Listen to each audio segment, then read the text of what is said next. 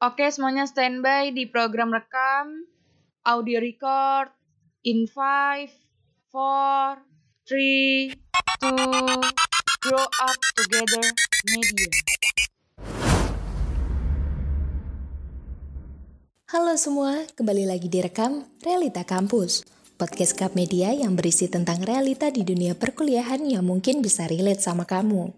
Di episode sebelumnya, kita udah bahas tentang love story di perkuliahan. Buat kalian yang belum dengerin, cus dengerin sekarang karena bakal banyak cerita perbucinan yang uh dan lucu tentunya.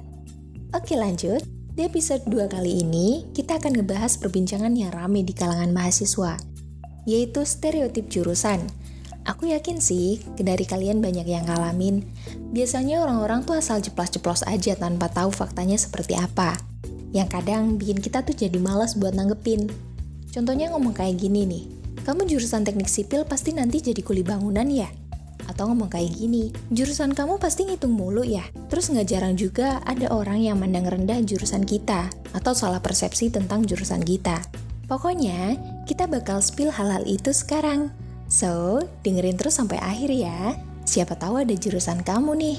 Well, aku sendiri dari jurusan arsitek. Ya, pasti kamu auto bilang gambar-gambar rumah gitu kan? Aku pernah ditanyain tetangga, jurusan apa?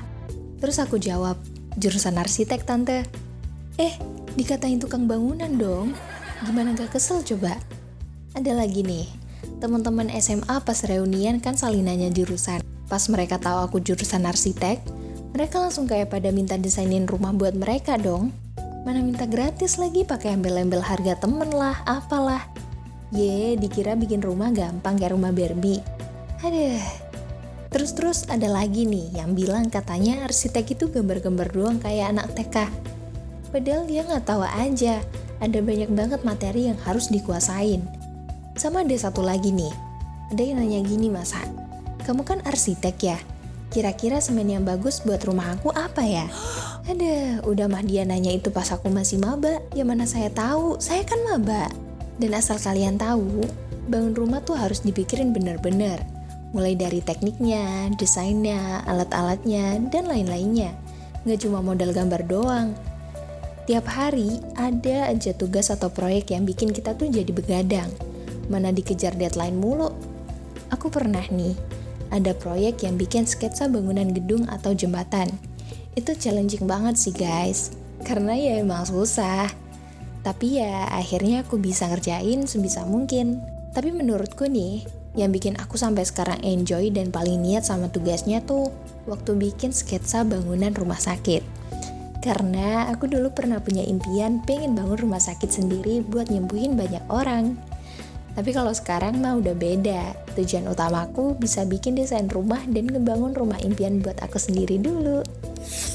Ngomongin soal rumah sakit, gue juga ada cerita stigma orang-orang ke jurusan gue yang mungkin kebanyakan prospek kerjanya di rumah sakit tapi bagian obat-obatan. Ya, bener, jurusan gue adalah farmasi. Kalau orang-orang denger gue dari farmasi, pasti pada bilang, nanti kalau udah lulus, jadi tukang sales obat ya. Kira-kira obat ini apa ya? Tahu nggak, aku kalau minta obat ke kamu, bisa lah ya. Gitu deh kurang lebih. Oh iya, Lucunya, ada yang pernah bilang gini ke gue. Dia bilang, kalau anak farmasi nanti, kerjanya di kimia farma. Ya, dasar. Mentang-mentang namanya sama-sama farma gitu. Jurusan farmasi sendiri nggak cuma ngeracik obat aja, tapi juga ngapalin jenis obat dan kegunaannya. Praktikum dan lapraksana sini, analisis struktur senyawa, ngeformulasi, dan lain-lain sampai jadi obat yang memenuhi standar kelayakan sama kualitas dan gimana obat itu aman buat dikonsumsi. Dan iya, di farmasi juga diajarin cara baca resep dokter. Sering banget gue ditanyain sama teman-teman tentang tulisan dokter. Padahal, pas matkul itu aja, gue kayak udah gak tahan. Karena emang susah dibaca. Oh iya, buat kerjanya nanti, anak farmasi nggak cuma bisa jadi apoteker di rumah sakit, tapi juga bisa buat apotek sendiri. Terus bisa kerja di perusahaan kosmetik atau skincare juga, karena relate sama perkimiaan. Terus bisa kerja di BPOM, Kemenkes, dan lain-lain. Pokoknya banyak deh.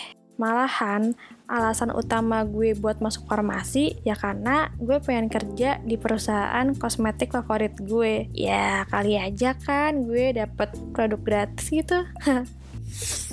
Oke, ngebahas tentang jurusan kesehatan, jadi mau nyeritain jurusan gue nih. Jurusan gue masih ke arah ranah kesehatan, tapi kesehatan mental. Udah ketebak lah ya, apalagi coba kalau bukan jurusan psikologi yang selalu dibilang sama banyak orang kalau psikologi itu jurusan yang bisa nyembuhin orang gila. Bahkan ada juga nih yang bilang kalau psikologi itu jurusan yang bisa baca pikiran orang. Suka capek deh sama orang-orang kayak gini. Ya emang sih psikologi itu belajar tentang mental pikiran sama perilaku manusia. Tapi bukan berarti gue bisa nyembuhin orang gila. Bahkan bisa baca pikiran orang. Ya kali emangnya gue peramal?